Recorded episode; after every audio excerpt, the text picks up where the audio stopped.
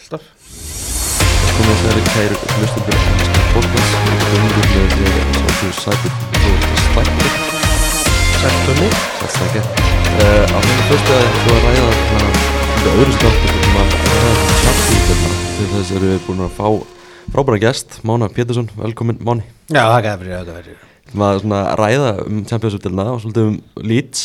Þú ert með lýtsað ekki? Jú, það verðist, uh, ég held að það ekki farið fram hjá neina mikill, mikill Leedsari Já, já, já. Mesti stund með Leeds á Íslandi, myndur þú segja?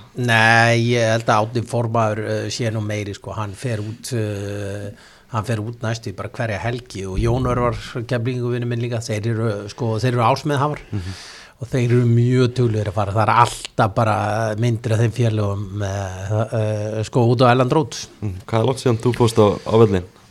Ég fór fyrir árið síðan, það er bara orðið akkurat ár síðan Hvað- þá fór ég á Leeds Bournemouth sem var svakalegu leikur við vorum þrjú eitt undir eftir 70 myndur og þetta var reyn sturlun sko. En það, þú veist, þetta er alltaf uh, reyn sturlun sko. Það, þetta er náttúrulega svona alvöru stundmannhópur og veist, þetta er svona, þú fílar heavy metal þá ertu, ertu, að, ertu að mæta á þetta en þú ert uh, að fíla eitthvað uh, þetta hitt dót, hína klúpa þá er það meira svona eitthvað pop Britney Spears og eitthvað svona dótir í sko.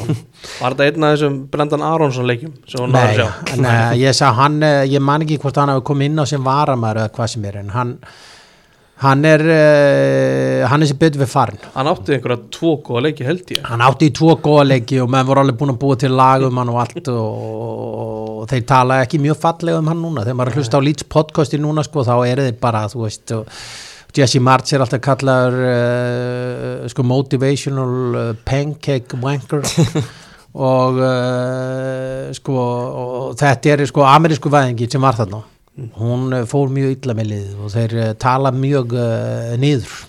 Hvernig er það búin að losa alla bandarækjumennina núna? það eru allir bandarækjumenn farnir úr liðinu og, uh, og tótt að eigendunni sjóarnir amerískir. Og það er sem má- málið er líka náttúrulega það kom inn mikið af svona stuðningsmönnum þetta var mjög uh, fárulegt tímbilandi fyrra. Það kom mikið inn af svona amerísku stuðnismönnum og pælingin í sjálfum sér var alveg sniðug, þú veist, uh, það var að stækka audiensið út í Ameríku og þeir ætlu svona að taka góðan skerfa því, þetta svona var hugmyndafræðis í snýristu það, þetta er náttúrulega 49 er svona eigundunir og þeir kaupa þarna þrjákana inn og eru með ameríska þjálfara og amerískan aðstofþjálfara sem kom frá Manchester United uh, sem var uh, náttúrulega aldrei að fara að virka hjá Leeds og uh, síðan hérna og það kemur inn fullt á svona stuðnismönn sem eru með rosa svona, eru að peppa Leeds og þú veist þetta var árið þannig að Brendan Aronson og Tyler Adams voru að spila þarna á miðinni þú veist bara Calvin Phillips sko hann myndi ekki einu sinni komast í inn á miðjuna. Hjá og fólk var alveg byrjað að telja sér trú um svona heimskulega hluti sko. Var Adam samt ekki allt í lægi? Adams var einmitt allt í lægi sko að einhverju leiti það sem hann var í lægi var, hann var náttúrulega að brjóta upp sóknir anstæðingana en vandamáli var náttúrulega sendingar á milli manna, það var ekkit endilega hans sterkasta hlið sko. Og það var að sama með uh, sko hann var skári því Mackenzie sem kom að það en hann var samt uh, allt og hægur. Og veist, það var bara ekki neinu standi til að vera þarna. Og þetta var alveg þannig að, að þú veist Brendan Arason og, og Mackenzie eru báður að tala um þetta. Þetta hefði verið hræði lífsreisla því ég man hérna munið eftir hérna uh, knaspindu korinu Rafín hérna Rabino. Rabino sem er svona mjög svona vók Já, og, og góð á því sko. Að hún fór einu sinni á móti Donald Trump og, og fór eitthvað að setja út á hann og þá náttúrulega því vitið að stundismenn Donald Trump eru geðsjúlingar sko. Og þeir fóru inn á Twitterin hennar og bara sko með orraðu sem var ekki mjög falleg. En hún gerði þetta líka einu sinni þegar lýtsarni fór að setja út á einhverja konu sem var að lýsa ykkur leik. Og hún kemur eitthvað og tekur eitthvað tvít með þetta. Og uh, það var verra heldur Donald Trump uh, sko stundismennir sko. Og þetta og það var, ég held að þeir, sko, þeir fóru allir á láni. Allir lýtsarnir eru búin að láta sko sex leikmenn, alla leikmenn sem voru keiftir í fyrra, Rasmus Kristjánsson, Vóper uh, allir þessi leikmenn sem voru keiftir í fyrra, þeir eru fattin á lán. Og ástæða fyrir að þeir eru fattin á lán en ekki seldir er út af því að þeir eru náttúrulega sko þeir hefðu fallið í verði. Allir nema Tyler Adams, hann var seldur en allir hinnir hefðu fallið í verði og þetta er eitthvað svona partur af uh, hérna, fairness uh, play þarna sem er ekki virt neins þar, Já. var þetta kaup og sölu? Financial Fair Play. Já, þá eru raun og veru lánaði leikmann í eitt ár og þá afskrifaði raun og veru 5 miljónir á hann í hvert skipti. Og það, ég tel mjög líklegt að allir þessi leikmenn verði bara á láni sko, Þið, þú veist, lýtsarni sungu náttúrulega if you go on loan you don't come back sko. Og, og hérna, og þeir hafa engan áhuga sko. Og það til dæmis það var alls svona lutir eins og það er Sight before self every time sem er svona slagur Leeds United uh, kemur frá okkar besta Billy Bremner að það var hérna að það var, Wooper var látið taka ég kalla hann Wooper, ég man ekki eins og hann heitir þessi hálfviti að hann frá bara Östurki Vöper bara, Wöber bara bara, veist, hann er bara eitthvað gerpi fyrir mér í dag sko. að hann hérna að taka að mynda sér fyrir þetta framönda skildu og bara tekin ákvörun um það bara, herru, þetta verður ekki gert aftur Mm. bara, þú veist, það bara krafur stuðnismennum, þetta verður ekki gert Mm. En það stuðnismenn lít með svona öðruvísi kröfur sko, þú veist, á Ellen, til dæmis á Old Trafford þá skiptir rosalega miklu máli að Instagrami virki og því að þú veist, þetta er bara svona, þú veist, eins og að fara þegar Ísleik voru gamla dag að fara á H&M eða fólki sem tekur mynda sér með Starbucks og, og, og, og, og McDonalds það við ekki séð fólk sem er að taka svona mynd það er sama fólki og fyrir Manchester United leiki sko. en hjá, hjá Ellen Drót þegar Amerikanin var núna að gera skoðan og hvað stuðningsmenn vildu fá í gegn á Ellen Drót, hvaða breytingar veit ég hvað það var? Það var að loka fyrir Wi-Fi Loka Já. fyrir wifi það var loka fyrir Wi-Fi. Það var, ekki verið, að- það verið að byggja um að Wi-Fi væri lægi, heldur það var loka fyrir Wi-Fi. Og því að nenni ekki að fá þess að McDonalds, H&M, Starbucks United stundismenn, eitthvað svona svona fólk sem er bara eitthvað til að taka myndir af sér. Ef við svona tök, tökum þess að ræðu hjá mánu þess að er allir heldur sammálaði að Scott McKennie var ekki góð, góð kaup hjá Leeds. En það sem ég, svona, ég er að svona hekka eftir er vákað verið gaman að það væri svona alvöru stemning í kringum eitthvað svona íslenskt félag Mm. bara eitthvað svona alvöru dæmi og menn var að láta heyri í sér vera fúlir yfir einhverju Ég var að loka fyrir wifi á völlunum ég, hérna Nei, ekkert endilega það bara svona, þú veist það sé svona andi í kringum eitthvað félag að það sé, menn haldi jafn mikið með því félagi og enska félaginu sínu Já, ég, ég er myndi alveg sammálaður í því sko. það er alveg þannig, sko. ég held að sé kannski helst eins og við sjáum kannski helst í Vesturbænum ef eitthvað staðar. Og síðan eh, sko, sjáum þetta kannski eh, sko, þetta var meira haukar FH, Þór Káa svona. Mm. þú veist, Háka Breiðblik voru aldrei verið neitt fyrir mér, þú veist, það er bara svona tvei, tvö sýstrafélag, góði vinnir, þú veist, rosa fallega stemningan það vilja meina að þetta sé ykkur ríkur en ég var alveg verið á leikið með sem yngri flokkar og mætti til að styðja blika í veist, þetta er bara svona krútlegt við erum allir vinnir, sko.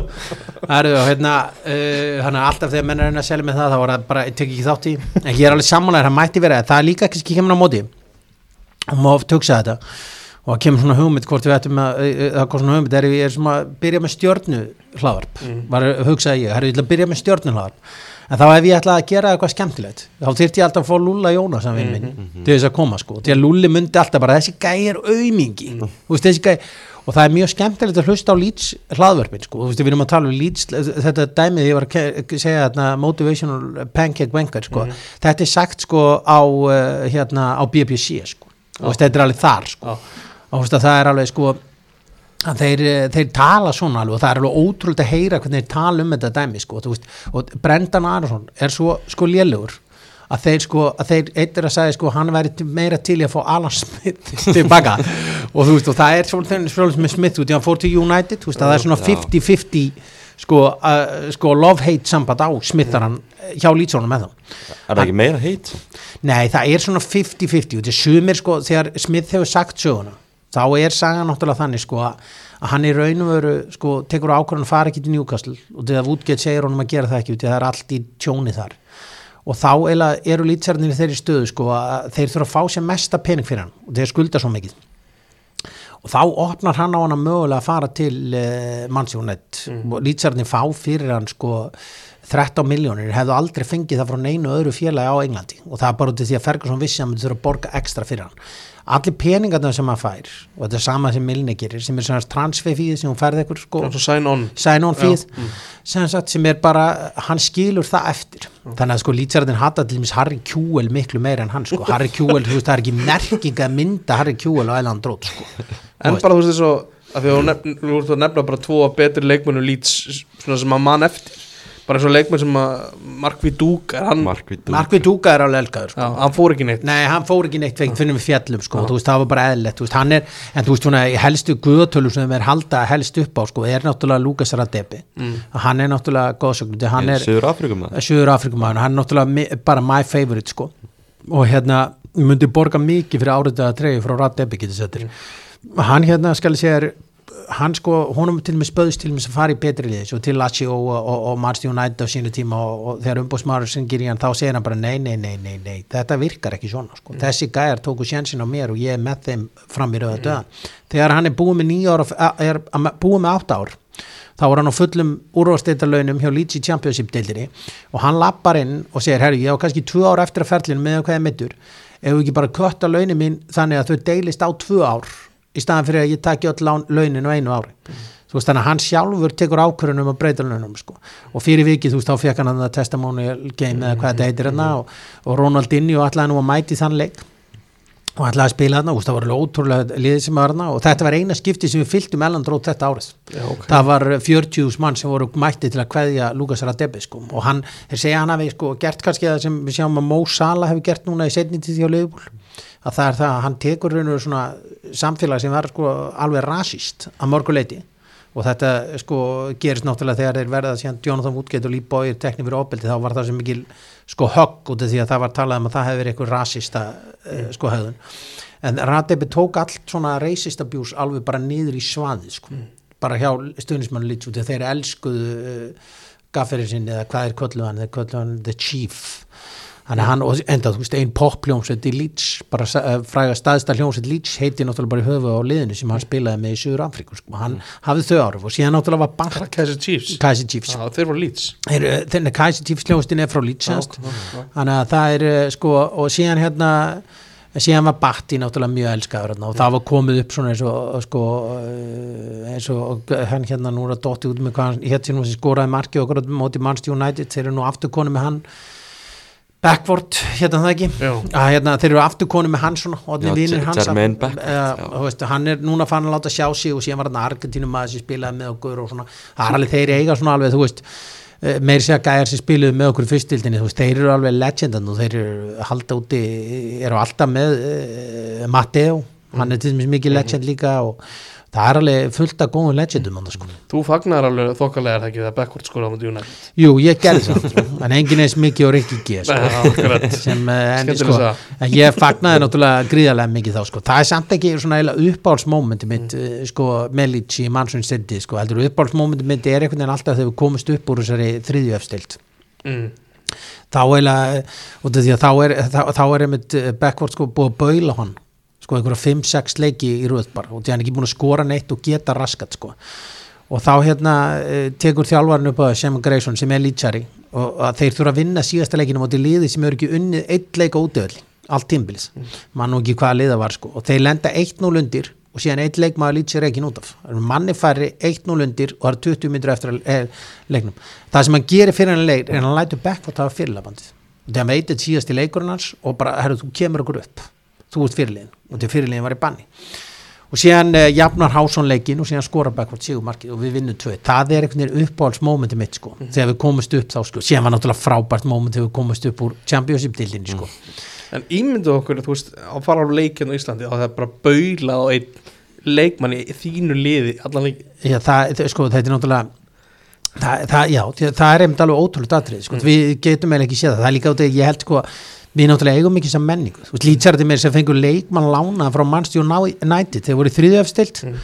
og hann kom og spilaði Lítsbúning og stóð sér bara ákveðlega, þeir böluði alltaf á hann þeir böluði á hann í kvítabúningum hann var ekki, hann var ekki búin að gera neitt af sér sko. eina sem hann, að hann bara, meðan hann eigum Manchester United, we don't like him sko. Ég hef lendt í einu sinni á Old Trafford að böla á leikmann United Já. og sá var svona reyna að láta böla sig, það var Paul Pogba það var ekki, það var ekki alveg en er ekki búið að baula neitt á makkvæðir sko? Ekki segja tekja eftir. Jú, það er búið að gera Já, en, þá hefði ég ekki verið á vellinum, ég var á vellinum. Já, mér finnst það til dæmis vera mjög liðlegt sko. Það er svolítið skrítið, þegar maður hugsa út af hverju eitthvað að vera á móti gæja í liðinu. Já, það er, það er skrítið sko, Þa, þú veist, menn eiga náttúrulega svona reyna frekar að taka, þetta er rosalega sko og stundum ofbýðum mér þetta með lýtsarnar sko. og því að þú veist það er bara Bamford og það er bara hann er hálfviti mm. Cooper er bara hálfviti og þeir tala bara svona öll orraðin er mjög kvöss mm. á leikmennina sko þó þessi er búin að leggja mikið á sig sko það er einhvern veginn alltaf þessi stemning er einhvern veginn í þessu samfélagi sko bara almennt eftir að við fengum þess að blessu social media röst þú veist þeir eru búin að sjá David Beckham myndina já, já. Þú veist hún eiginlega tekur á sig hvernig það var allt öðruvísi mm -hmm. sko veist Tala þetta um- tala um HM98 Já, þú veist, það sem, þú veist hvernig þetta var allt uh, sko öðruvís, núna er þetta orðin bara einhverju aumingar á bakveg liklaborði sem er að fokki rífa kjaft sko, og veist, þetta er alveg þannig og það, það er til dæmis sem með Calvin Phillips það er alltaf bara, alltaf okkur um einstæða degi að bara þegar Calvin Phillips er ekki að spila myndu er ekki að gera neitt hjá Mars City postar alltaf einhverju lít, hann er ekki að spila neitt hann er ekki að fara, ha ha, hann er ekki að en Calvin Phillips þekkir eins og það sitt fólk sko, þegar hann mætti þetta með sitting þá sungu þeir alltaf, þá sungu þeir sko you're too fat, you're too fat sko, sko hérna to play for Leeds, sungu þeir sko. You're too fat to play for Leeds. Og því hann var búin að segja að hann uh, Peppa, hann var ekki í standi sko. Og þá uh, brosti bara uh, Calvin Phillips upp í stúkuna, hló og klappaði fyrir þeim. Og þá breyttu við læginu sko og sungu allan tíman sko He, uh, sko, he eats what he wants he eats what he wants. He's Calvin Phillips, he eats what he wants.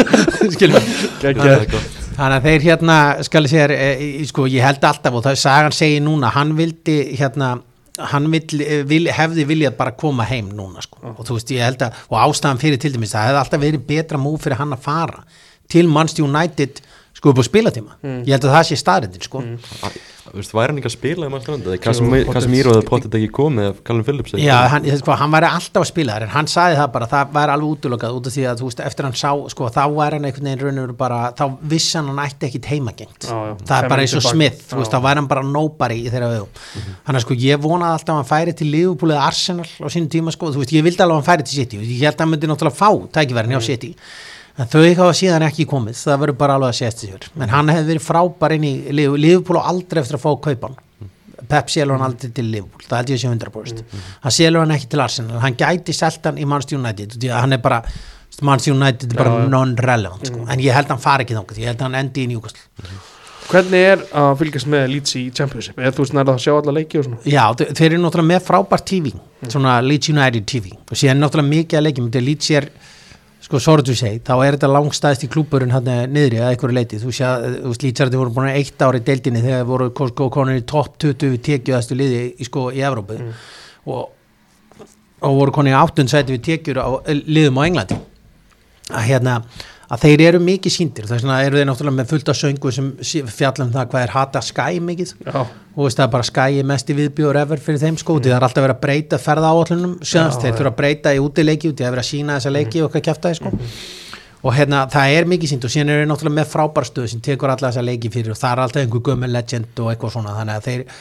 Þetta sko það, maður sér mikið af þessum leikjum og þetta er raun og ótrúlegt hvað hann hefur gert þessi Daniel Fark sem tók við liðinu að hann einhvern veginn kom mætti bara strax inn og sagði þú vilt ekki vera hérna, drullaður út og það er þekkt að Cooper fór inn í klefan eftir, eftir síðasta leikin í fyrra og sagði inn í hópinu að þessi hópur átti mjög erfitt saman. Það er að segja sko Jesse March kemur inn og ráðin inn og menn vilja meina að hann hafi bjarga liðinu sem er algjört kjaftað og skoðar úslitin í þessum leikjum og á móti hverjum maður að vinna leiki.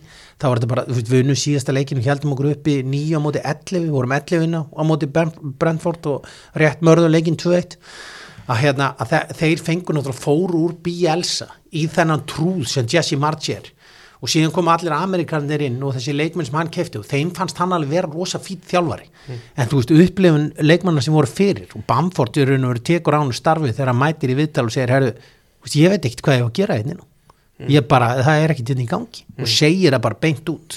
Alveg rétt, ég mann eftir þessu heilig. að Jesse, að hann tekur þar eiginlega Jesse March bara niður sko, og því að hugmyndirnar hans voru alveg hlægilegar sko, þú veist, hann var búin að komast að því að marki væri stiðst frá að reyna að segja einhverja hluti eins og Pep Guardiola sem meikaði engan senn sko, og liðið var búið að spil og hann lætur til dæmis Daniel James sem búin að vera frábær núna, hann lætur hann fara á láni, hann lætur uh, hérna Klitsch, missum hann, pólverjan og hérna og að, uh, missum líka hann hérna um, ó, það voru að dotti út um hann að spila í Róma núna. Lorente. Já. Lorenti sem uh, fekk mikla gaggarinn hjá lítstunismönnum sem var fannst mér mjög ósangjart því að okkur gekk betur með hann í vörninni heldur en uh, sko ánans þegar uh, menn skoða að rýna í tölunar sko. Þannig að þetta var bara þetta bara lítur vel út núna. Þeir fengur leikmenn andan okkar að lána keiftu síðan einhverja, keiftu eitt frá Chelsea sem er gjörsanlega frábær. Ampadu Ambadjú, hann er alveg bara hrikalega góður og síðan eru náttúrulega meðan grei litla. Já, sem lýtsarnir eru brjálaði núna yfir að hann var látið spila sko þrísvar 90 myndum með 19 ára landsliðinu. Ég ætlaði að mynda að spyrja út í hann, þetta er greiðlega efnilegu leikmaður. Þetta er gríðarlega efnir og þeir eru með annan efnilega sem er 14 og 15 ára sem þeir tala um að verði sko, mannsti sítið einhverju eftir að kippa núna sko, sem er alveg bara algjörð undrabann og þeir telja hann, þeir muni kippa honu núna uh, sko mannsti sítið öllu líkinum en hann hérna þess, hann er algjörð undrabann og síðan, þessi máli er sko, síðan koma náttúrulega svona alls konar hugmyndir um eitthvað, hann er að fara sko þanga og þanga og þanga það er mjög hæpið hann fari nokkuð sko. Hann er þriðja kynsluð af lýtsara basically sko. Þú veist Eddie Gray sem er legend í lýts sko. Þú veist hann er föður af hans. Síðan átt hann afa sem spilaði með liðinu. Og síðan var að held ég pappa segja bróður pappan sem spilaði líka eh, átti einhverja leiki með lýts líka sko. Hann að þetta er ekkit fyrir honum er hann bara á stóra sviðinu núna sko hitti bara aukaðatri sko Eh, Þessi gæði, hann er 17 ára gammal, hann verðist bara að vera fyrsta nafn á blað. Já, Já, hann er líka bara frábær leikmar og vandamálinn var náttúrulega hann var meittur allt síðasta, uh, síðasta vetur sko. ég held að hann hefði spilað, hann var búin að spila fyrir undirbúinustímbilið mm. og ég er ekki frá því að hann hefði hent til dæmis eins og þessi hugmynd sko, að láta Klitsi fara sko, og láta Brendan Aron spila það er náttúrulega einhver alheimskasta hugmynd allra tíma sko.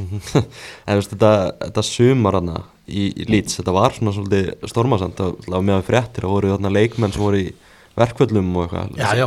Sinni stærra og gnott og se- eh, já, senist er að fyrir rauninu ekki viðtal heldur. Hann tilkynni bara hann, hann vilji vera seldur. Og þá tekur Fark bara ákvörðun ok, bara, og því hann sagði bara herru, þú vilt ekki vera hérna og skilur ekki hvað lýts er þá bara getur þú fokkaðir og senist er að fann lán í Bormúð sér því það er að ætti þá að koma aftur í haust en ég held að, að, að, að það verður no turning back sko, hann kemur aftur þegar Bormúð fellur. Tyler Adams, hann hins er fastur í Bormúð og verður með þeim í Championship deitinu næsta ári. Þannig að þú veist, þetta er svona, þú veist, eini gægin sem kannski mér fannst svona eðlilegt að færa á lán og fannst alveg í lægi að færa á lán var Jack Harrison sem fyrir til Everton. Og mér finnst eiginlega ekkit sem við getum sagt við því sko lýtsarar að einhverju leiti sko út af því að Harrison hefur alveg skilað sínu hlutverki með liðinu sko og hérna, en máli er ég held alveg að þeir standa þessu núna, mér finnst alveg staðað mér alveg þokkalega með þeir verða svona 69 stíðum frá topp 2 í januar, þá held ég að það sé bara verulegu möguleikir fari upp í fyrsta rönni, en ég held að planið þeirra gangi út að fara upp á næsta ári. Sko eins og þeir setja þetta upp. Er þetta ekki bara keppnum núna að vera hvaða liði eldir Lester? Jú, ég held að það sé náttúrulega málið, það er allavega mesta stemningin í lestir, síðan hefur bara eftir að sjá hvort hún haldist ekki út, sko, það á eftir að koma í ljós. Og síðan náttúrulega Ipswich, þeir eru náttúrulega búin að stela senun einhvern Já, já, akkurat. Það er bara með ótrúlega, það er veginn svona góð stemning að þeir, þeir eru bara með e, e, sko Ed Sheeran auðlýsingar á búningnum og hann er bara að afgreða bjór í sko í, í, í, e, hérna á vellinum og er bara flottur á því sko. Bara svona alveg hardcore stuðningsmaður sko. Og þe þeir eru líka að spila alveg ótrúlega skemmtilega fótbolta sko. Já, Kýra með kennara þjála þá fyrir um aðstofamar hos Mourinho og líka Solskjaer hjá Já, United. emitt, þú veist að maður hugsaðar alveg sko, þú veist eins og þetta United dæmi, þú veist United er aldrei að fara á neitt flug. Og ég horfa á það sko að það er enginn að benda það, er menn benda á hvað lélegi leikmenn og hvað lélegt þetta en þú veist þetta er sko af öllu eignarhaldi sem er þarna sko, mér finnst náttúrulega njúkast eignarhaldið ógeðslegt, það er náttúrulega bara út af ég er frjáls fjölmjölamæður og mér skrítið að menn geti aflega fjölmjölamann og keift síðan kraspinduklubba Englandi og það bara verið gefið góða það sko. En ok, allt, allt er góða læg með það. Le, leifum því að vera. En þetta eignahald á Manchester United er reynd ógeðslegt. Þú veist þessi gæjar eru uh, og, og ég skil ekki hvað ég held til dæmis að verði ekkit snúið við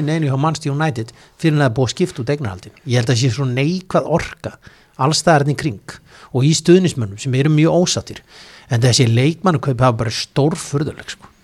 og þessi ten hag sko, veist, það er allir þessi hluti sem er að gerast sko. þetta er einhvern veginn furðulegt sko. þetta hefur aldrei komist upp með hjá Ferguson sko. en nú er þessi gæja bara orðin í Instagram stjórnur og það er bara það er erfið að ráða við ég hef vel til í að sjá Ferguson ráða við Við sáum þetta náttúrulega í Beckham-myndinni sem við myndist á aðan. Þegar. Beckham var alltaf stór svona súperstjarnar, þá misti Ferguson bara áhuga á hann. Já, hann bara nefndi ekki þessu ruggli sko. hann hefur bara ekki þólið með fyrir þetta og hérna, en það var líka út af því hann hjælt sko, þetta er svo, það var einhver sem sagði sko að þú veist, það hefur verið erfiðari fyrir gigs sko, að sko að- Ferguson kemur staði að hann hefur verið að halda við konu bróðu síns heldur hann að bróður að segja góðu staði sko. Skiljum, þetta var veit, sko, út af því hann vissi að hann hefði bara lá- brugðist honum algjörlega sko. þess að hann var einhvern veginn skóls alltaf upp á leikmann, leikmann hans Ferguson af því að hann nefndi aldrei neinu sjópis og vildi bara fá vera í friði sko. bara spila fótbolta og fara heim sko. Já, hann, hann var, eh, og ég held að það sé málið sem United, ég sé bara ekki þeir eh, sko, fljúi í þessu stæmi og ég veit ekki hvað ratklið fyrir að spá all taka 25% sko. við erum að sjá úst, tvo þjálfari í þessari deild, við erum að sjá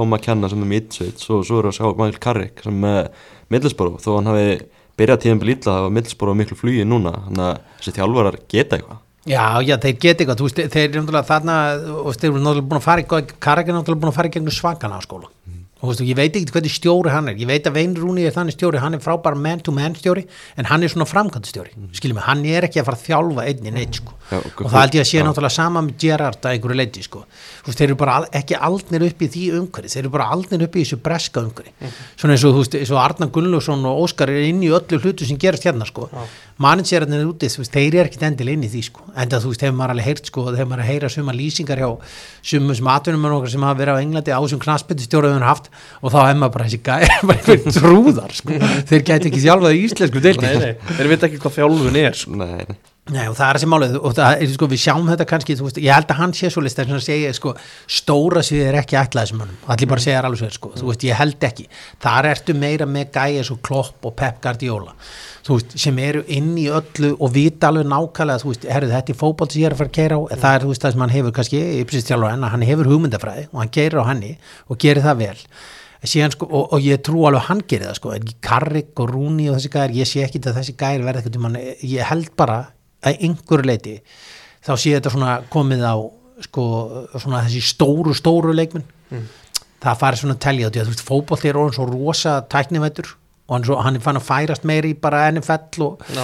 og, og, og einhverjar mælingar og eitthvað svona dótri að þú þart í raun og veru bara að vera að byrja, ef þú ætlar að vera góðu stjóri þá þarf þetta bara að byrja að læra það þegar þú 22-23 sko. Mm myndast þannig á Rúni náttúrulega nýtekjaði Birmingham svona, svona einn, áhugarastu klubburinn í Championship akkur núna, það er ráku þjálfvaran þráttur er í playoff-seti, komið með Tom Brady sem eig- í eiganda hófnum hana og alltaf Rúni mættur sem þjálfari. Þetta er áhugart dæmi sem er í gangi hana Já, þetta er mjög áhverð sko, líka bara hvað kanandir hafa kift mikið ennskum félugum.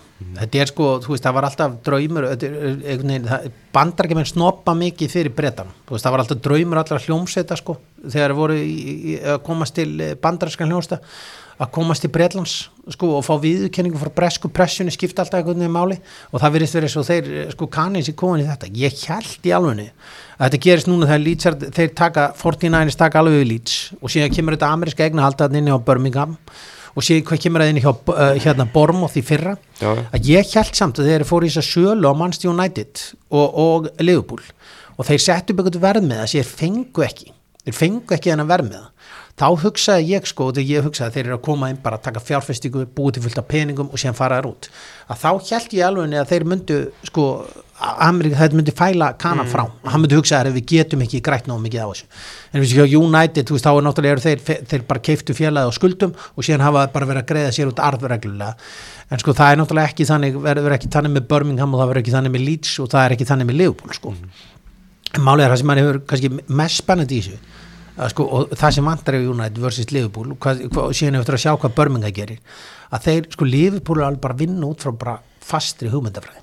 Og ástæðan fyrir að kannski að þeir tóku þetta dropp í fyrra var út því þeir fylgdi ekki fast hugmyndafræðinni. Út því að þeir ætluðu sér að láta bara Sala og Sane fara báðu þá þessum tíma. Og þeir voru bara, herði þessi gæri og þeir nú of gamlir og samkvæmt formúlun okkar þá gengur þetta ekki lengur, segi kannin en þá ertu komið með nýtt inn í breska dæmið, eins og þú stænka er að segja, veist, það eru þessi blessu stuðningsmenn, sko, og þeir hafa ennþá alveg völd á Englandi, sko.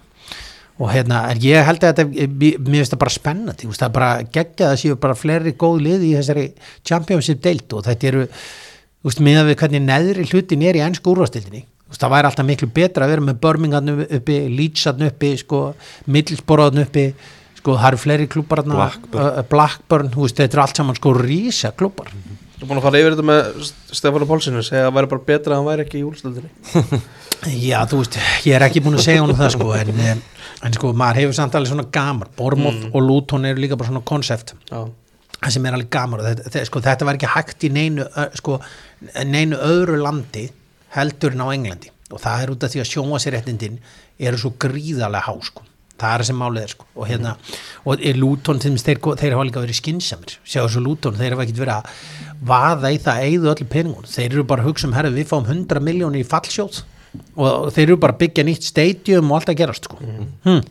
En þú veist, líka með Champions líka með Sönderland sem er að gera virkilega góða Ég, það má náttúrulega ekki gleyma því að Söndirland er huge klubur og það er náttúrulega 50 svona Jack, Clark upp að Leeds United maður sem er þeirra aðal maður og hérna sem við seldum til Tottenham og, og, og náðu síðan ekki samfara Bielsa að hann komið á láni og, og, bara fór.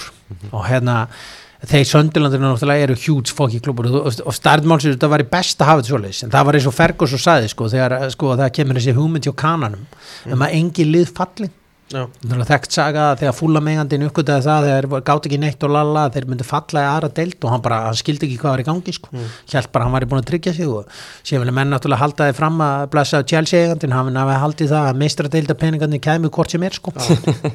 Hann hafi ekki alveg verið með hann hafi ekki alveg verið með á hreinu hvað var að gera. Það er til dæmis annað lið sem er ekki minna einu hugmyndafræði sko. þú veist það er sem málið, þú veist það er ekki verið að keira á neinu sko og ég held alveg að TNH langi til að keira hugmyndafræði, ég veit bara ekki hvernig hann ætlar að gera það sko. en síðan hérna sko, hérna, hann að það ég held að, sko, mér hefur ekki fundist þessi, sko, þessi kaup kanns á þessum klubum hafa verið neitt sérstaklega slæm mér finnst ekki, sko. Og hérna, og síðan er, mjög áhugavert hvernig sjá hann Júkaslegu gert það. Það finnst mér mjög áhugavert líka. Að þeir hérna hafa bara, þú veist, þeir hafa ekki farið í þetta big spend sem að heldur myndi farið Nei. taka ykkur á stórstjörnun inn og vera að stækka vörumerkið. Sem náttúrulega sitt í gerði. Þú veist, þeir unnu bara markvist að því að stækka vörumerkið. Ég veit ekki hvað það er búið að stækka mikið en þetta hvernig ennur að halda með sitt í? Það eru nokkrir. Það eru nokkur, nokkur bílar. Ég var að, að, að horfa á Wrexham þættina um daginn, þeir eru náttúrulega með Hollywood eiguna frá bandaríkunum. Reynolds og McElhenney. Og það kom bara, eins og að nefna kom bara svona risa útskynning í byrjun þáttarins bara hvernig deltakerfið á Englandi virkar, bara fall og promotion og bara fyrir kananum er þetta bara eitthvað bilað. Já, þetta er bílað, Ferguson er raunur drapis umræðu, ég veit um þetta er að klára. Hann mm. drapis umræðu þegar hann segði bara hann segði eitthvað, þú veist, það ættu bara að vera eitthvað 20 staðistu klúbanir og þá byrjaði hann bara að tellja upp klúba sem voru neðst í deildinni, sko, sem voru þá Middlesbrough, Leeds, Sheffield Wednesday, Sheffield United sem hann var búin að eiga í titilbartu við og barta við í gegnum tíðina, hann segði bara er þú að segja mér að þessi klúbar séu litlir, sko, og veist, og þegar hann bara tók ekki, fannst þessi umræða bara að vera svo mikið kjaftaði, sko og það var að sama þegar þeir komu, sko, með hann blessu Super League deildina, sko og þetta náttúrulega bara virkar ekki svona sko. en þetta, ég, maður sér samt ekki annað en að þeir eru eftir að koma þessu drastli á sko. Já, endanum, sennilega sko. pottið sko. endanum Það peningarnir taka alveg yfir fótboltan, það Já. gerast öðrulega En þú veist, þetta er Champions deild, það er svona utanfrá að vera ókvæslega gaman að fylgjast með hana því að virðist einhvern veginn vera þannig að allir vinna bara alla í þessari deild og þetta verður bara kaos í lokin. Já, já, þetta verður gott kás í lokin sko. þú veist, málið er lýtsarðin fara ekki í, sko, lýtsarðin fara í play-offs þá veit maður bara þetta er búið. Þar sem við vitum. Eh, það að er einu sem við vitum. Já, þú veist, Gilvi Einarsson uh, sko, sagði það einmitt, sko, þegar hann spilaði úslitaleg play-offs úslitalegin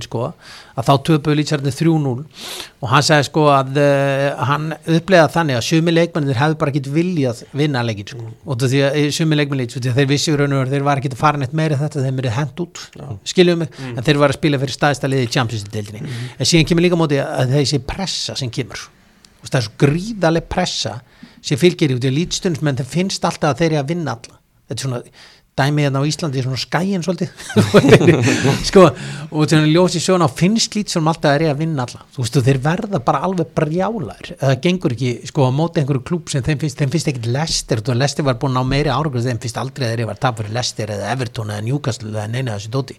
Þeim finnst það bara ekki. Og það fylgir því náttúrulega ákveðin svona sko, eh, sko pressa og maður veldi fyrir sér sko að þú veist lýtsarðin náttúrulega, það hjálpaði kannski lýtsarðin um einhverju leiti þegar þið voru að komast upp úr Championship deildinni síðast og var ekki búið að taka 16 ára að það voru engri áraður það heyrðist ekki í neinum sko, það var engin að baula neitt sko, ef það illa gekk sko. ég eitt eitt leik gegn Luton. Ég held að þessi deild hún verði mjög skemmtilega, það er þetta að horfa á hana á, á Viaplay og það er þetta að horfa á hana á hérna áskali þér og síðan er stöð 2 með eitthvað að svona leikjum sko. en þetta er náttúrulega og síðan líka er þetta held ég eh, sjötta staðista deildin þú tekur Já, nákvæmlega. í Evrópu sem er náttúrulega, ég meini mér að sko, einhver tímbilum var hún á þriðja staðista sko, og það er spurning hvort hún verði það núna sko, því að þú bæði með Söndeland, Leeds og Birmingham hann inni sko. og, hérna, og þetta er allt saman lið sem er að spila á stórum völlum sko.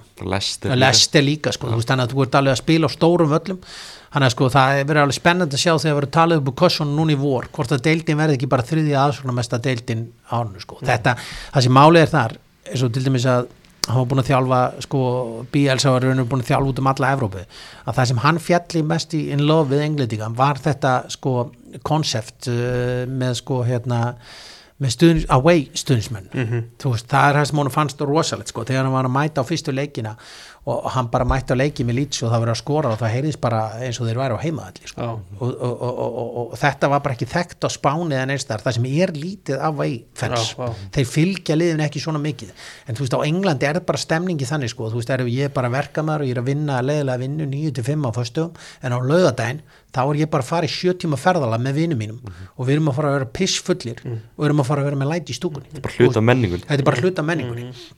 Og þetta, það, sko, og Bielsa var alveg einstaklega hrifin af þessu. Þannig að þessi, þessi deild, þú þekkir það náttúrulega sem að lýtsa, er ógeðslega erfitt að komast upp úr þessari deild. það er mjög erfitt, en ég held að sé sko sko maður vonar náttúrulega á þessum sko tveimur ára sem við erum núna, náttúrulega konum við líka með Gretar Rapp Steinsson, okkar besta mann í þarna í brúna að velja leikmenn og svona, þá er ég að vona sko að hérna, og þessi leikmann frá tóttina sem kemur hérna í vörnina hjá okkur sko, og er gjörsanlega frábær mann ekki hvað hann heitir eins og að það er gefið mála það er uh, Steinsson sem hefur pikkað hann upp sko. maður eiginlega bara getur eiginlega sett saman sem Tala um að, að, bara, eh, bara ótrúlegt uh, dæmi að ná við þennan gæja.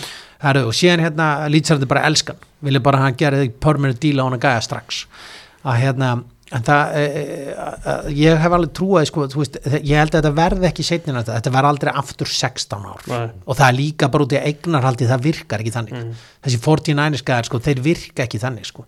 vandamáli var náttúrulega þú veist, og, og, og stærðmál sem það lýts haldið sér uppi, þá var eigandi sem var að fara frá henni, Radisani, sem þurfti að hætta með þetta á Twitter. Mm. út af abuse frá lýtstöðnismunum og hefði búin að kaupa Sampdoria núna.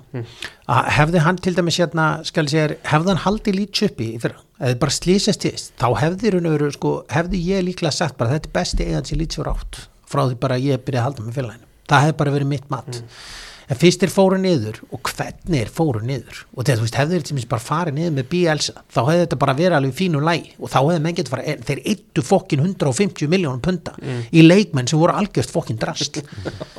En það er ekki sko og það sem er málið og það sem maður hefur fyrst áhugavert er hvað þessi lið, sko lýtsir að hann á að skagala niður allan launakostnað sko og allan sko og hvernig þeir hafa keift leikmenn bara á nokkuð góðum kjör Þetta er, eins og ég segi, þetta er alveg sko, mest spennandi deildin þegar kemur aðeins þetta er bara og við upplifum með fyrst deildina núna. Mm. Veist, leikir skipta mál og það er miklu skemmtilega fyrirkomulag. Og auðvitað vildi maður að þetta væri þannig bara að það væri tvölið sem færi beint upp hérna heima og þriðja liði færi eitthvað svona playoff stæmi en þetta er, skal ég segja hérna þetta er miklu skemmtilega. Þegar það er svona fymta, sko, uh, sko þriðja til ég, veist þessi vika sem er playoff sjá lít svo tíðnum búin að upplega oft, þetta er versta vika sko þegar þegar verður að kalla þetta helvík hérna heima sko og ég þekki þetta sko Ég man, man hérna voru að spila um því Darby í já, playoffs. já, vorum yfir og allt sko Já, það, það var rosalega leikir. Já, ég veit að eigum við mikið að söngum um sko Frank Lampard sko. það var sko, það var sko, það var einmitt eitt að aðdraun sko, þú veist, þeir kölluðu hann alltaf eh, sko, eh, sko þe- þeir voru sérstaklega ósátti við hann eh, hann hérna hann J.J. Mars, þá kölluðu hann Jank Lampard sko Kana Lampard sem var svona bara mesta niður í því sem þeir kunni sko. en það kemur náttúrulega út af þessu Spygate máli sem þeir eruðu svona ósáttir og þeir fóru reyðir út í Lampard sko Það myndaði smá rígur hann á milli, út af, út af þessum máli. Já, en það, hann hefur verið af þessu Leeds Derby rígur, hefur verið sko frá því bara 1975 eða hvað það var sko, eða 70, ég man nú ekki hvað ár, þegar hann tekur við hérna Brian Clough mm Leeds, þá kemur hann frá Derby það sem hann er búin að vinna titili með Darby og þá voru lýtsæratin að berjast við Darby mikið sko, þannig að í, í kringu þessi ár sko, þannig að sá ríkur er, það er rosa fáir klúpar sko, ég var ekkert mann að fara yfir þetta sko, lýtsæratin eiga ekki svona hatursamband sko, sko, við uh, Newcastle, til þess að ég hugsaði sko, Vestam og eitthvað svona, en sko þeir eiga rosa mikið hatursamband við fullt, þeir geta búið í stríður allir, þeir hata Chelsea út af þessum byggarleik, þeir hata náttúrulega sko frægasti leikur Þetta er að skoða YouTube-vídeónu þar sem menn eru bara, sko þar eru menn að bomba, þú veist, þar er enginn að henda sér niður. Þú veist, þá bara fær kífinn, kíka hann bara olbóskot í andlitið, síðan fara hann bara tvö nefahögg og maður stendur bara allir tíma það er ekki, sko, það er ekki þessi aumingiskapi sem við sjáum í dag, þetta er bara real thing, sko, og hérna og það, þeir geta einhvern veginn fundi bara þú veist, þeir eru alltaf bara með hatur svo, einhvern veginn, út í alla sko, það, sem er alveg uh, sko, það er alveg gaman samt, sko. Nema Arsenal, sko, það er líka svona algjörlega hlutusklubur, sko. En það svona minn heldur með Arsenal en það er samt alveg þannig, sko, þú veist, þegar var lýts Arsenal leikir þá sko, þá vissi hann alveg, alveg sama sko, við erum tveir og hann er eitt sko, hann vissi það alveg sama hvernig leikunum farið, honum myndi hon, uh, við myndum láta honum líða illa sko. alveg Ef við klárum aðeins kannski bara veist, þú snertur Arsenal Hva, hvernig, hvernig líst þér á byrjunina þar og vonaru eitthvað lið vinni frekar en annað? Já, ég, sko, ég maður náttúrulega alveg að segja veist, bara þetta er orðið þannig með þetta dæmi að þú ert náttúrulega komin á það, sko, þessu til dæmis einhver ömulegasta lið í heimi, bæði munkin uh, í því, sko, þessi lýtsarni hatt út af lífinu, þetta, töpuðu meistradildinni á, og, uh, sko, gæja sem var, dómara sem var dæmdur í bann eftir þetta, mm. bara komaði til, skilja, og er búið að vinna deildina bæinn tíu ár, sko við viljum náttúrulega ekki að þetta gerist með ennsku úrstældina sko. við viljum ekki að þetta gerist sko. við viljum að þetta sé, sko þetta gerir deildin ekki skemmtilega, þú veist, fólk mun alveg bara mannstu sitt í vinnur enn eitt árið og síðan kannski 2-3 viðbót. Mm. þá, það, það mun draga úr áhuga á deildin ég held að það sé alveg gefið mál að þetta fyrir bara að vera þessi bæinn stemning í þessu. Að hérna að ég vona náttúrulega innilega mannstu sitt í vinni ekki deildina, en ég vona náttúrulega sko, ég myndi aldrei skipta því og myndi spyrja mig hvort við þetta vinni Manchester City að Manchester United, þá myndi ég alltaf segja Manchester City sko, þú veist, það er alveg bara annars væri ég ekki að þú eru ekki að hafa neinar ágjur á Master United Nei, ég hef það ekki sko, ég hef það ekki næstu árin á með þetta eignaraldir í gangi. Síðan og er, spurningin sko, þú veist, ég sé samt ekki sem maður segir sko, að hérna og þetta er sko sko þegar ég var að segja, ég sagði hérna Arna, við Arna, í loftinu og Arna Gunnars var ekki sáttu um þetta vikingslið var miklu leiðilegar en það var í fyrra sko, sem var, bara það var, það var bara starft málsins. Að það mátti einhvern veginn ekki snert á því það var svona smá viðkvæmt mál en hann notaði orðið og Arnar vissi það þess vegna byrjaði hann að nota orðið, orðið pragmatískir. Og málið er, síðan var ég að tala um þetta við Arnar ég hitt hann uh, stundum, það erum að fá okkur kaffi á sama tíma. Og þá sagði hann einmitt sko, að það eru allir að gera þetta það, það hægt bara eftir City og já, stemmum City er svona líka. já, City er bara svona, nákvæmlega þeir vinna meistaradeildinni fyrra sko, á því að vera pragmatík ég held að kaupin á Philips hafi fyrst og fremst verið út af því sko, Mm. að þurfti gæja sem var geggjað maður og mann ef hann myndi lendi því að fá sko Modric eða þess að gæja móti sér sko Mhm. þá vildi hann eiga manni sem Philips sem er bara stórkostlegu maður og mann miðum maður í vörninni og hérna, ég vonaði ennilega það er enga líkur sko bara þú veist, með allir í vinningu fyrir tóttinamönnum það er enga líkur úr tóttinam sé að fara þannig þó að ég Nei, elski, ekki, sko. við þetta samt svo svona gaman að sjá þetta með tóttinam mm. skiljum mig, þetta er, veist, er eh, þetta kemur Ástrali inn að þjálfa og hann er bara einhvern veginn svona veist, ekkit svona mikill kallakall, þú veist, hann er bara svona einhvern veginn almúa maður, minni með hann stundur svolítið á Bielsa og reynir að spila sóknarleik ég var reynir að spila sóknarleik sem er eitthvað sem sko, maður hugsar sko, að, eh, Pochettino gerði þetta Já. Og maður veldi fyrir sér sko, síðan faraðir eitthvað alltaf rátt sko ráðin tvo varna sinna þjálfara. Ég skil ekki eitthvað pæringi var. Og því að þú veist, tóttanlið var bara munið eftir tóttanliðin með Pochettino. Þú veist, það var bara fokkin skemmtilegasta Mjög liði í ennsku úrslit já. og þess vegna sko út af því að sko fótbolt er skemmtiðinaður og það er bara tíu, er alltaf að tíunda að dóni menn sko, þetta er skemmtiðinaður þú veist, þú átt að spila sko, þegar United var upp á sitt besta, þú veist, þá var þetta bara Theater of Dreams og menn voru bara alltaf, þú veist, ég mann leik það sem sko staðan var, maður horfði á United leiki þótt maður var ekki United maður. Þeir voru 3-0 undir á móti Tottenham. Þeir unnu leikin í byggandum 5-3 sko. þú veist, það, þú áttir einhvern veginn alltaf vona á einhverju svona sín sko. og, og þetta er það sem gerir fótbolta skemmtilega Húli er, þegar hann var með Leopold, það var ekki skemmtilegt. Bara, það var bara fokkin leðilegt bara svo ég segi það, þeir voru upp á svipuðum tíma sko. en málið er að, þú veist að það, sem í Tottenham kemur og þegar þú byrjar að spila svona fótbolta kannski Bielsa gerði þetta með Leeds að þeir fóru alltaf að spila sóknabalt á fullu og Leeds-stundismennir elskuðu það. Þá kemur ástin með liðinu. Það er svona Tottenham á eftir að- er að fá þetta inn.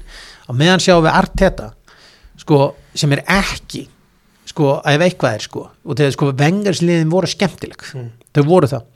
Þau voru stundum ekki nógu góð og að manni fannst sko vandamáli með vengar auðvist við Ferguson var það að vengar var alltaf að kaupa leikmann sem var ógislega góður í öllum tölfræði þáttunum að meðan sko Ferguson var alltaf bara það er þessi gæði frábæri tölfræði, þetta er engin kartir ég er ekki fyrir að taka þennan gæði sko. og því að hann tók bara, þú veist, leikmenn sem Wes Brown John O'Shea, þessi gæjar sko hefðu aldrei komist í arsanliði hjá Wenger sko, Nei. aldrei, þessi gæjar er miklu fleiri titla heldur á Wenger sko. Og því hann valdi sko, hún fannst karakterin skipta máli. Og, fer, og það var líka sko hvað hann ræturna voru, það, skipti Ferguson gríðarlega miklu máli, þú veist, og því að hann var náttúrulega eins og kemur fram í heimildamindunum hann og þá er hann bara gallharður sósialisti og verkamaður í grunninn og honum fannst þetta skipta mál hann vildi ekkit fá okkur að bí og þegar allir að gera grína þessum Pepe kaupum hann sko það var ástæða fyrir hann kefti Pepe. Þetta var bara einhver heimilislega strákur sko. hann bara veðjaði á það að þetta geti gengið sko, sem hann gerði ekki. En enga síður, hann gerði Pepe sko, hann er aldrei heimilislegs aftur. Gott hjá Ferguson með það. En þetta er, ég, veng, sko Arteta finnst mér bara fann að spila svona pragmatískan Já, ég samla Þú veist, hann fann er vera. Já. Hann er svona fann að vera þessi, sko, ég ætla að fara að vera þetta líka. Ég fór að hugsa hérna skemmtilegt lið sem getur unnið. Ógeðslega erfitt að segja þetta ég held að bara vera liðbúl Já, en það er bara, ég er alveg sammálar því, sko, það gæti mynd verið málið, sko, það þarf að svona veist, það þarf svona eitt, tvo við það en ég er mynd alveg sammálar því og sérstaklega líka, sko, því maður hugsaði, sko, liðupúl líka oftar að nota þetta, sko, þetta elsneiti, sko, að tekin af þeim, uh, sko, stíg, stíg eða þrjú hana og þeir eru að, þetta er eitthvað sem klopp getur nota sem eld, sko. Heldur þetta muni fýra upp í það? Já, ég held að þetta geti, það eina sem er að ágjöra af hvernig breyting sé nógu mikil hérna. sko, eða svona helsta, það, sko, ef hann lendir í einhverju meiri vandræði með vörnina þá hefur maður alveg verulega ágjöra þessu. Hann þyrft alveg að kaupa eitt svona varna sinni að hann gæja, sko. en ég er með og við sammála viljum enga pragmatík samt. Nei, ég nenni því ekki. Ég, bara, sko, það er þessi málum, mér finnst það ekki sérstaklega skemmtilegt, sko. þú veist, það er alveg, þú veist, það er alveg árangursíkt og það er Já. það, en maður vill þetta er bara svo, þú veist, uh, sko Óskar gerir þetta náttúrulega líka árið eftir hérna, 20, sko 21 lið, þessu Óskars í blikum, er að mínu mati bara eitt skemmtilegasta lið síðan mann eftir já. það var bara eitt skemmtilegasta lið síðan mann eftir bara síðan 2014 stjarnan, sko mm. en það voru, stjarnan var sent, voru ekki pragmatíski þá, sko, þeir voru bara einhvern, með einhvern X-faktor í gangi, sko og hérna, en þetta verið svona en þú veist, þetta er ekki til að sko, ég segi þetta sé ekki til að hafa ágjur þetta verður ekki svona endalust, þetta er bara eins og tikki taka fótboltinans Pep Guardiola. Þetta er alltaf að þróast. Þetta er alltaf að þróast. Mm. og ég held til dæmis sko að leikurinn fari muni koma til með að fara úr því að vera svona pragmatískur í það að vera meira opnari þegar framlega stundir. Og hérna og ég vona náttúrulega við séum ekki vera að horfa upp á það að mannstu sitt í vinni. Og ég vona að það sé ekki eitthvað pragmatist lið að fara að vinna þetta sko. Ég bara nenni því ekki sko. Að þessi kaup og Declan Rice þau voru náttúrulega þess eðlis. Var bara að fara að spila svona fótbolta sko. Það var nú málið. En ég hef ekki, sko, eins og ég segi þú veist, auðvitað bara að það væri skemmtilegt bara tóttina myndi stila þessu. Svona bara einhvern veginn, en það gerist aldrei Það er það ógeðslega gaman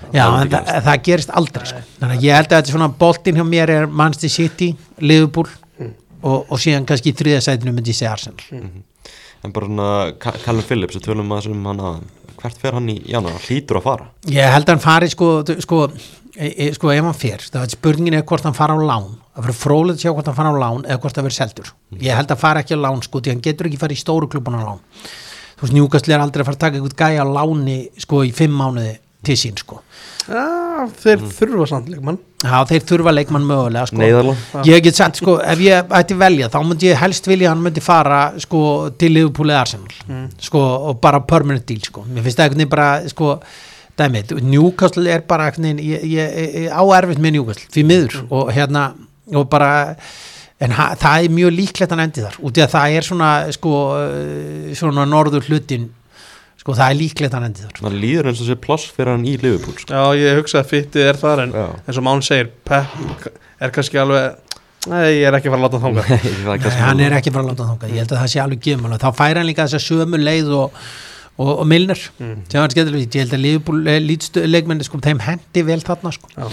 og hérna, en ég held að eh, ég veit ekki hvert Galvin Phillips er ég bara, sko, ég vona hann fara allavega eitthvað gáðilegt, eitthvað sem ég nenni svona aðeins að styðja, ég á mjög erfitt með Newcastle. Það er bara út af því að eignaldi þar er bara fyrir tjóðunar Áður hún heldur áfram með þinni listakomið þá langar með að spyrja Mána út í Gretarab hvernig er bara svona umræðan um hann og úst, hvað er það í rauninni sem hann er að gera hjá Leeds? Sko, ég veit náttúrulega ekki nákvæmlega hvað hann er að gera hann er sko í bakar, hann er í öllum sem tölfræði þáttum, mm. Veist hann er í öllum sem tölfræði þáttum hvernig þetta og þetta og þetta gerist. Og ég sá sko fyrstu viðbröðum voru svona bara what the fuck, bara, veist, eh, gæði frá tóttina, lalala, eh, sko á heimasíðu, sko íslensku heimasíðinni mm. en menn eh, sko úti voru almennt sko bara hrifnut þá, þá hafði bara farið bara gott orða gæðin sko, það var helst einhver íslendingur sem sett eitthvað inn og hann fekk svoleiðis að heyra það greið sko inn á lýtsíðinu hjá okkur en þetta er líka mikill hitti þar sko. Það er mikið verið að drulliða menn þar líka. Þetta er bara svona menningin í þessu. Að hérna Uh, sko, ég þyrfti nú bara hringi Gretar og spyrja hann að því hvað hann er að gera þarna nákvæmlega sko, en hérna, en hann er einmitt þarna í þessu bakherfgi sem hann hefur verið að gera, þú veist, það er bara þú veist, við erum að skáta hann að leikmann, við erum að skoða hann að leikmann hvernig er hausin í þessum leikmanni uh, hva, hvað er hann góður að gera þessa þessa hluti, og ég held að sé mjög gott að fá Gretar að inn, því að gæinn sem var þarna undan, hann veit ekki raskat sko, en, þú veist, það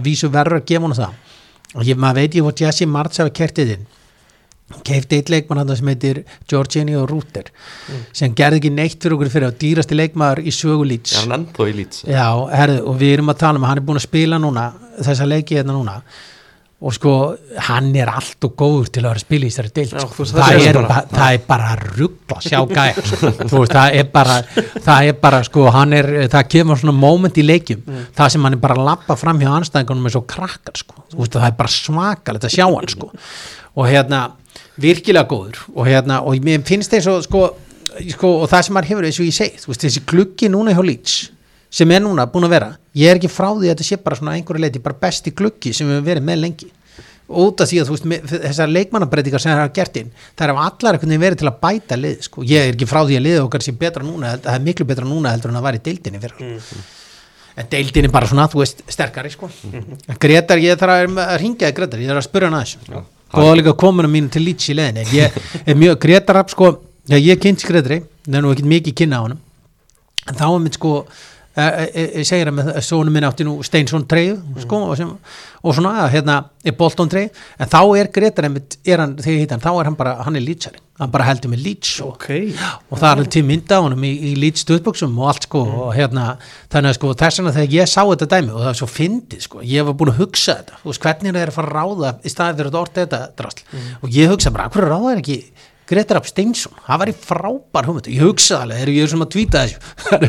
En sko, hérna og hérna, sko, og síðan kemur bara tveim ykkur setna, þá bara Gretar Rapp Steinsson til lít og ég get alveg sagt það, þú veist, ég gerði bara yes, sko, mér fannst það bara geggjað þú veist, þá held ég að sé maður líka sko, og honum, honum langar til að standa sér vel í vinnunni. Veist, honum er ekkit saman um þetta, sko. Hann veit líka hann er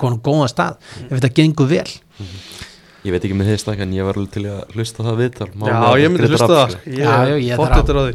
Það geði eftir viðtal. Þetta að redda því manni. Já, ég er að því, það er einhvers En bara svona, bara lokum, bara svona tímabilið hjá lýtsinga til, þú veist, bara verið bara mjög flott. Þetta er búið að vera eitt léluleikur Já, með svona breytingarna líka í sumar, þetta voru stóra breytingar og bara hefur þetta komið þér á óvart? Uh, já, þetta hefur eiginlega komið mér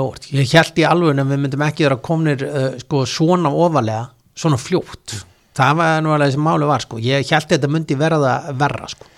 en síðan sko út af því að það sé þeir horfa í og maður heyrir að þeir rættu í podcastunum ef, þeir, ef þetta gengur vel og menn eru bara toppar út í janúar þá verður heldur engin, þá mun ekki þessi gæjar sko eins og Gnótt og, og, og þessi gæjar, Rúter og þessi gæjar, þá munu þeir ekkit vilja neitt fara eða kemur tilbúð, þá munu þeir bara segja nei, nei, bara let's go for it, bara förum bara upp og gerum þetta í gang og það er það voru þeir að vona að Jack Harrison var náttúrulega meittur þarna fyrst til að byrja með og vissi ekki hvort það þyrfti aðgerð eða ekki að þeir voru náttúrulega að vona að hann myndi bara vera off fram í sko gluggalokk og síðan myndi að geta sko hérna og þá myndi að bara sjá herrið þetta gengur bara vel, bara klára mynda en það gerðist nú því miður ekki sko. Ég held að eini gæin sem langaði til að halda var Tyler Adams að þessu svona sem var.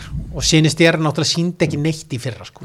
En hann byrjaði þetta tímabil mjög vel, hann gerði það sko er ekki Samuel ennþá hana Jú, sömuðlega en það sko. Er hann góður eða? hann er mjög góður sko. hann er mjög góður, það var svona ég, ég gef Jesse Martz það, hann fór að spila honum en það sem vandamálum var samt að Jesse Martz ákvað að láta sko alltaf að spila sömmel og tók uh, Daniel James út sko, held að það Já. hafi verið mistök. Daniel James sko, uh, sko Lítsarðin er alveg búin að fyrirgefa honum að hann hafi verið United maður sko, því hann mætir eitthvað neðan bara, ég er bara gett ánaðar og komið maður, þetta er bara geggjað og bara kerir myndi í gang og, og, og lítsturinsmenni sjá það þó hann sé lélegur í mörgum hlutum sko, svona tankamarkaði fótballtamaður einhverju leiði þá var í hvernig einasta leik sem hann mætir veist, þá hleypur hann úr sér lunga og er alltaf tilbúin að berjast og allt þetta dæmi. En það náttúrulega kostaði 28 miljónir leikmaður sem átti að kosta 10 miljónir uppröðlega síðan fór hann til United og gerðum hann dýran aftur. gerðum að dýra Já, Það er bara gerðum svo- að dýran. Daniel Ding. Eitthvað svona sem við taka bara, þú nefndir leikmannin áðan Patrick Bamford.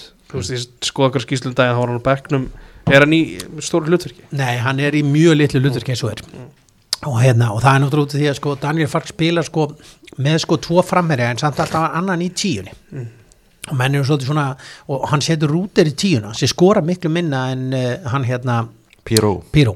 Að hérna, og, og menn er eitthvað að rökraða þetta við hann og hann bara, nei, nei, ég gerir svona ég gerir þetta svona með finnan og þetta verður bara svona. Hann tók bara, tók bara svona bí elsaraði bara í sjö mínútur sem hann Tímum útskýrði. búkki þá. já, tím búki og og útskýrði af hverju þetta væri svona, af hverju hann gerði þetta. Og hann myndi bara halda þessu áfram, það var ekki fyrir að breyta þessu.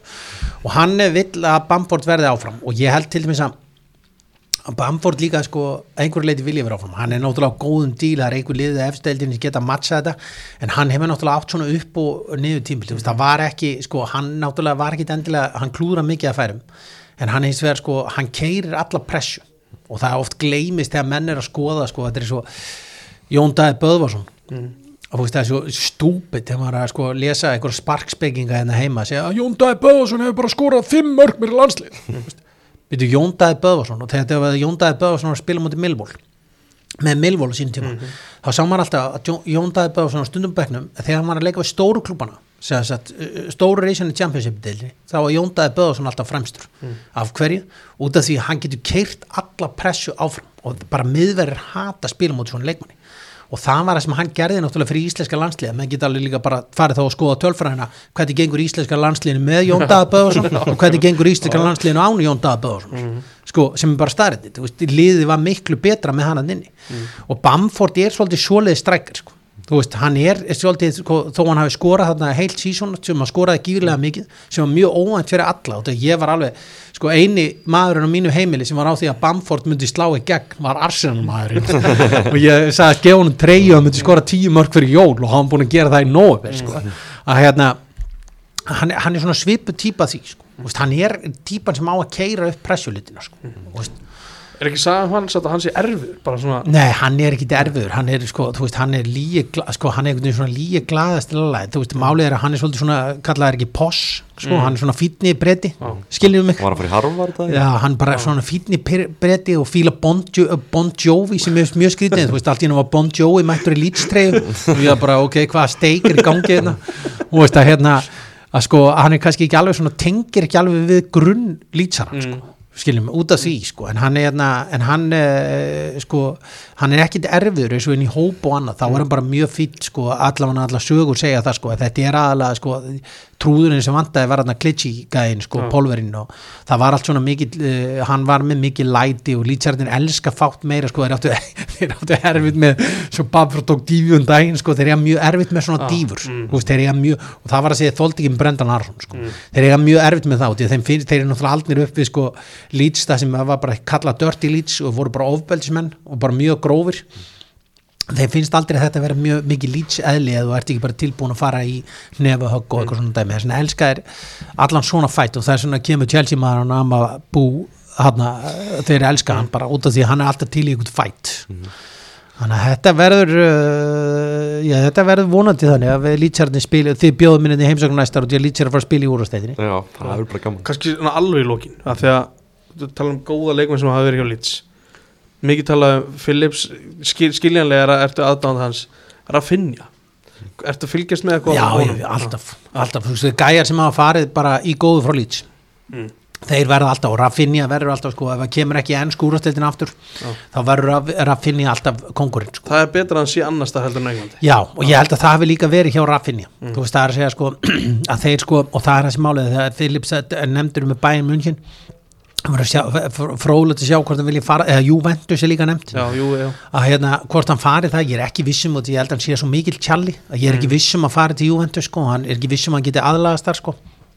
Að hérna, ég held að sé alltaf betra. Og veist að, hérna, að, þú veist að hann hefði ekki farið í Arsenal þessi dæmi, en hann á hins vegar alltaf sko optionið að fara til Englands aftur og því hann stóð sér alveg gríðarlega vel. já. en maður fylgist alltaf með raffinni en það, þú veist, myndin á honum það sem hann sko veður upp í stúku og sáðu líka að hann lappa á njánum þetta var mjög atilsvört að sko, það er þa- þannig, síðasta leikur sem síndi manni sko að bara, veist, hvað hann mikið sko, var mikið með hjartað í því að spila fyrir Leeds. Að hann sko, þegar leikur er klárast þannig að Brentford leikurinn og þeir eru búin að vinna, þá, þá fer hann á hnýin og lappar völlin endinlangan á njánum sem getur ekki verið gott fyrir knaspinnumann en þetta er einhvern veginn, skal ég segja þér hérna þetta er einhver katholsk brasilísk uh, sko trú. Að ef Guð uh, sko hérna bænheyrið þig að þá lappiru á njánum einhvern tíma sko. og, og hann lappar hann á njánum og allir eru bara hvað er í gangi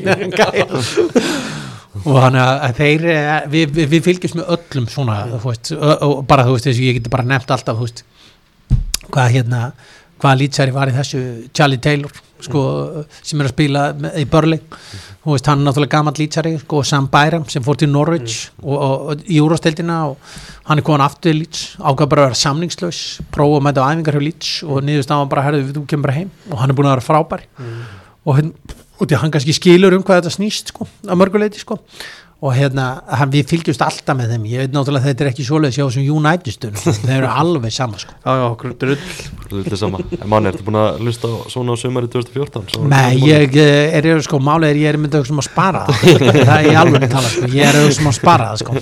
Þannig að hérna, þetta er fimm, einhver fimm tíma veistla ég, hérna ég held ég var að spara það, þetta er frábært þetta er vestavið og sko er, er félagar sko, þeir eru ekki með smá hryllilega lélega tónlistamögg sko. það er bara hryllilega þetta að hlusta á þeirra rífibökur og pottet blöndur og maður er bara eitthvað, er þið fucking grínast í mér Ég var, ég var að byrja á þessu í morgun sko, voru að spila Amabadama, Hossa Hossa Já. og einhver fleiri, já, skemmtilegt sko. Já, það er 2014 2014, þetta er náttúrulega var besta knaspinna árið Já. í sögunni. Margi vilja menna það. Margi, já, ég held að bara verið- þetta var stórgóðslitt ár.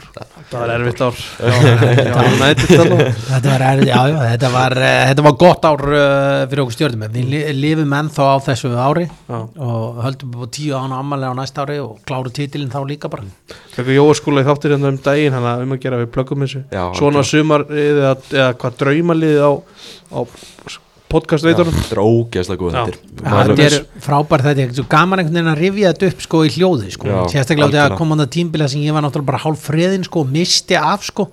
Hann að fyrstu árin hann að 90, og- 94, 95, 96 svona, þetta er svona smá þessi móðu sko og hérna, það er mjög skemmtilegt að- að að hlusta á þetta sko. Ég, þetta, er- já, já, það er þetta að mæla með þessu þáttum. Það er ekki spurt fimm tíma líka, ég er ríkalega ánað með fimm tíma veislu sko. Gera norður eftir held ég alveg Ég voru, voru að tala um quiz upp og morgun. Þetta er algjör veisla Algjör veisla. Kveðjum úr, úr túlistúdíunum, takk kærlega fyrir komin að manni. Já, takk fyrir komin